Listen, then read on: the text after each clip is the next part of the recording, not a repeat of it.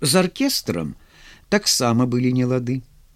Капельмайстар быў з прыгонных. Хамскі дух адчуваўся і ў музыцы.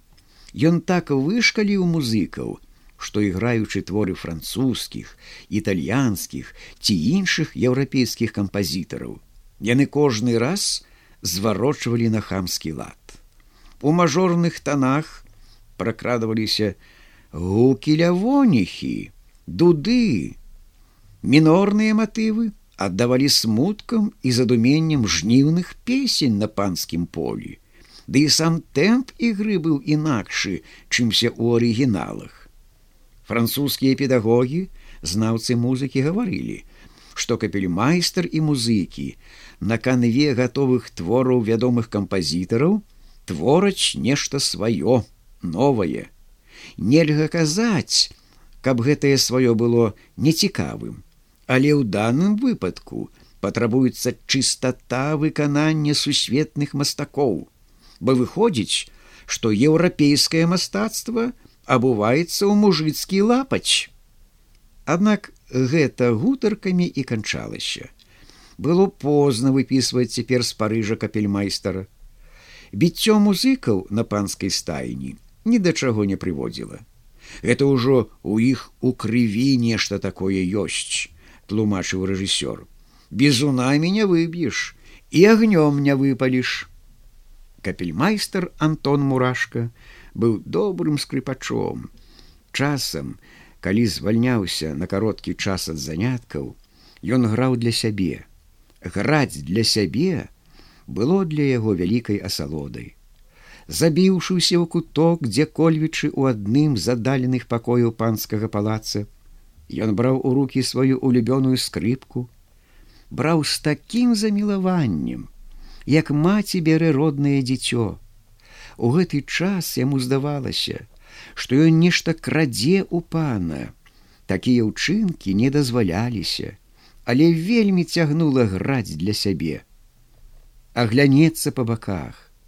Пасля ў нейкай жудаснай прыемнасці зажмурыць вочы, правядзе па струнах раз другі смычком, тоненька завядзе, ціха-ціха, волос, ледзь датыкаецца да струны, нібы птушка кволым крыллем да сваіх птушанятак, якія дрэмлюць у гняздзе.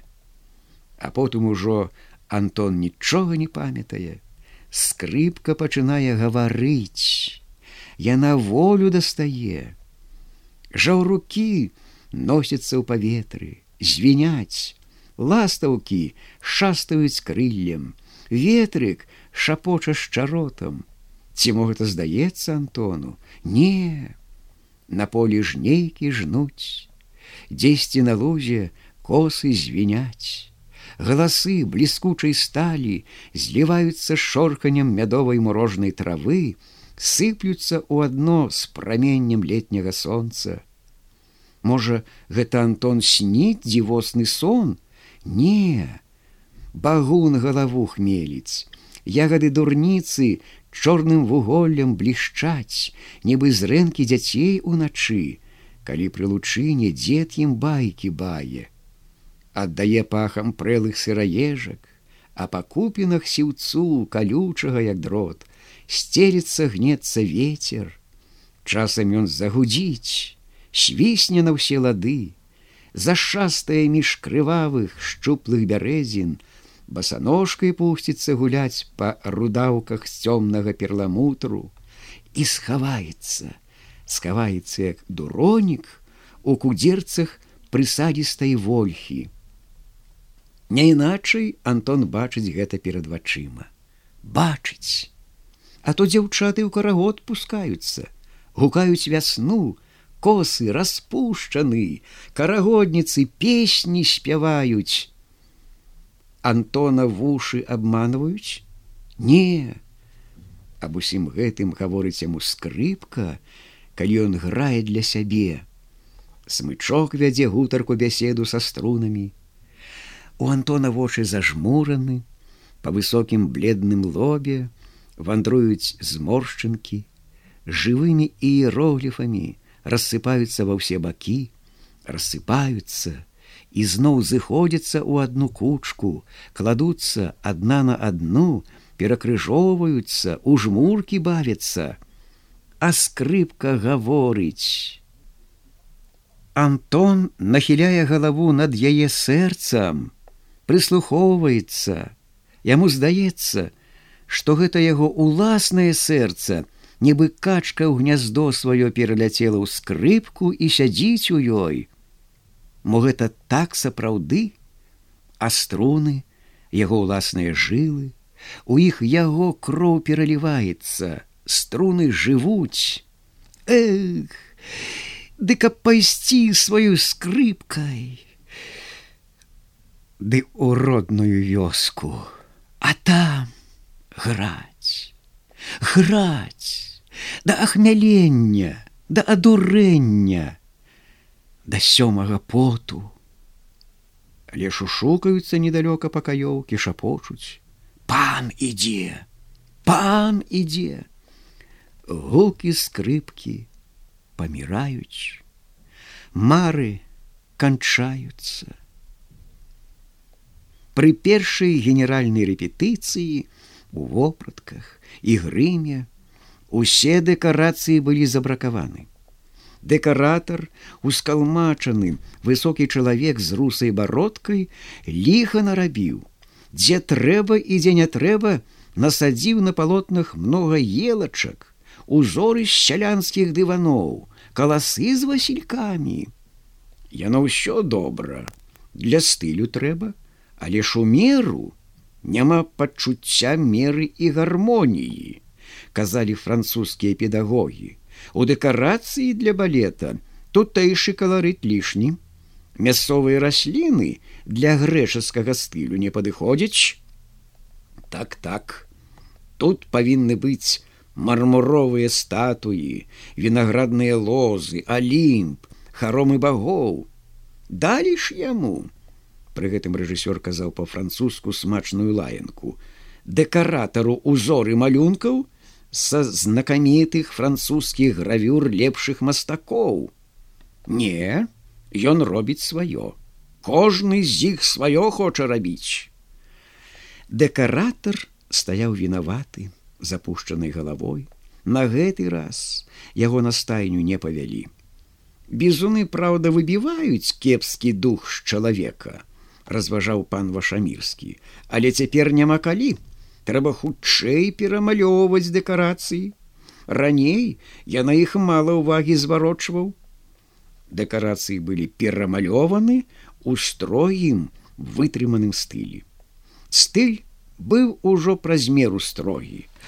Аддавала халадком класічнага бела-ружовага мармуру афінаў.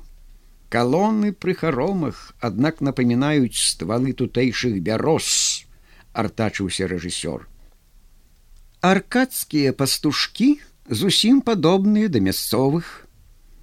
Калі я ніколі не бачыў гэтых калонаў, чуць не плачучы, апраўдаўся дэкаратар, ніколі не бачыў іншых пастухоў. Рэжысёр гаварыў яму на ломанай польскай мове, куды ўваходзіла палавіна французскіх слоў, цэлую лекцыю о праніклівасці мастака маляра аб цудадзеях яго зрокавага ўяўлення, аб тым, як мастак павінен духам сваім пранікаць у даўно мінулае і творчым пэндзалем адрадзіць яго, адбудаваць у часы патрэбы.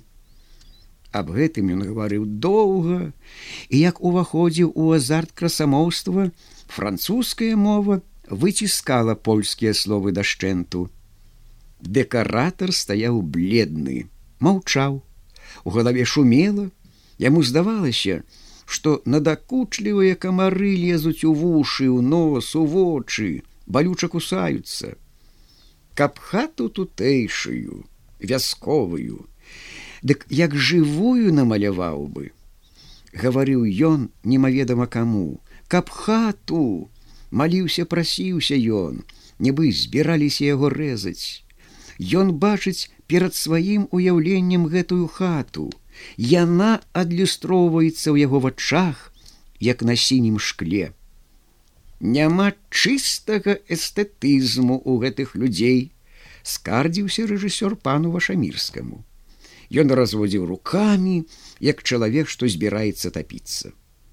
Гэтыя словы ударылі пана ў самае трапнае месца, кранулі самыя святыя стрункі душы, як ён часта любіў казаць аб сваіх уласных пачуццях. Пану заўсёды здавалася, што такога эстэта, як ён сам на свеце няма. Ён імкнуўся да таго, каб у яго тэатры эстэтызм займаў самае першае месца. Пан быў вельмі абураны, задрыжэў яго характэрны падбародак, вочы наліліся сталёвым бляскам. Ён звярнуўся да рэжысёра на французскай мове з голасам мяккім, дрыжучым, нібы літасці просячы.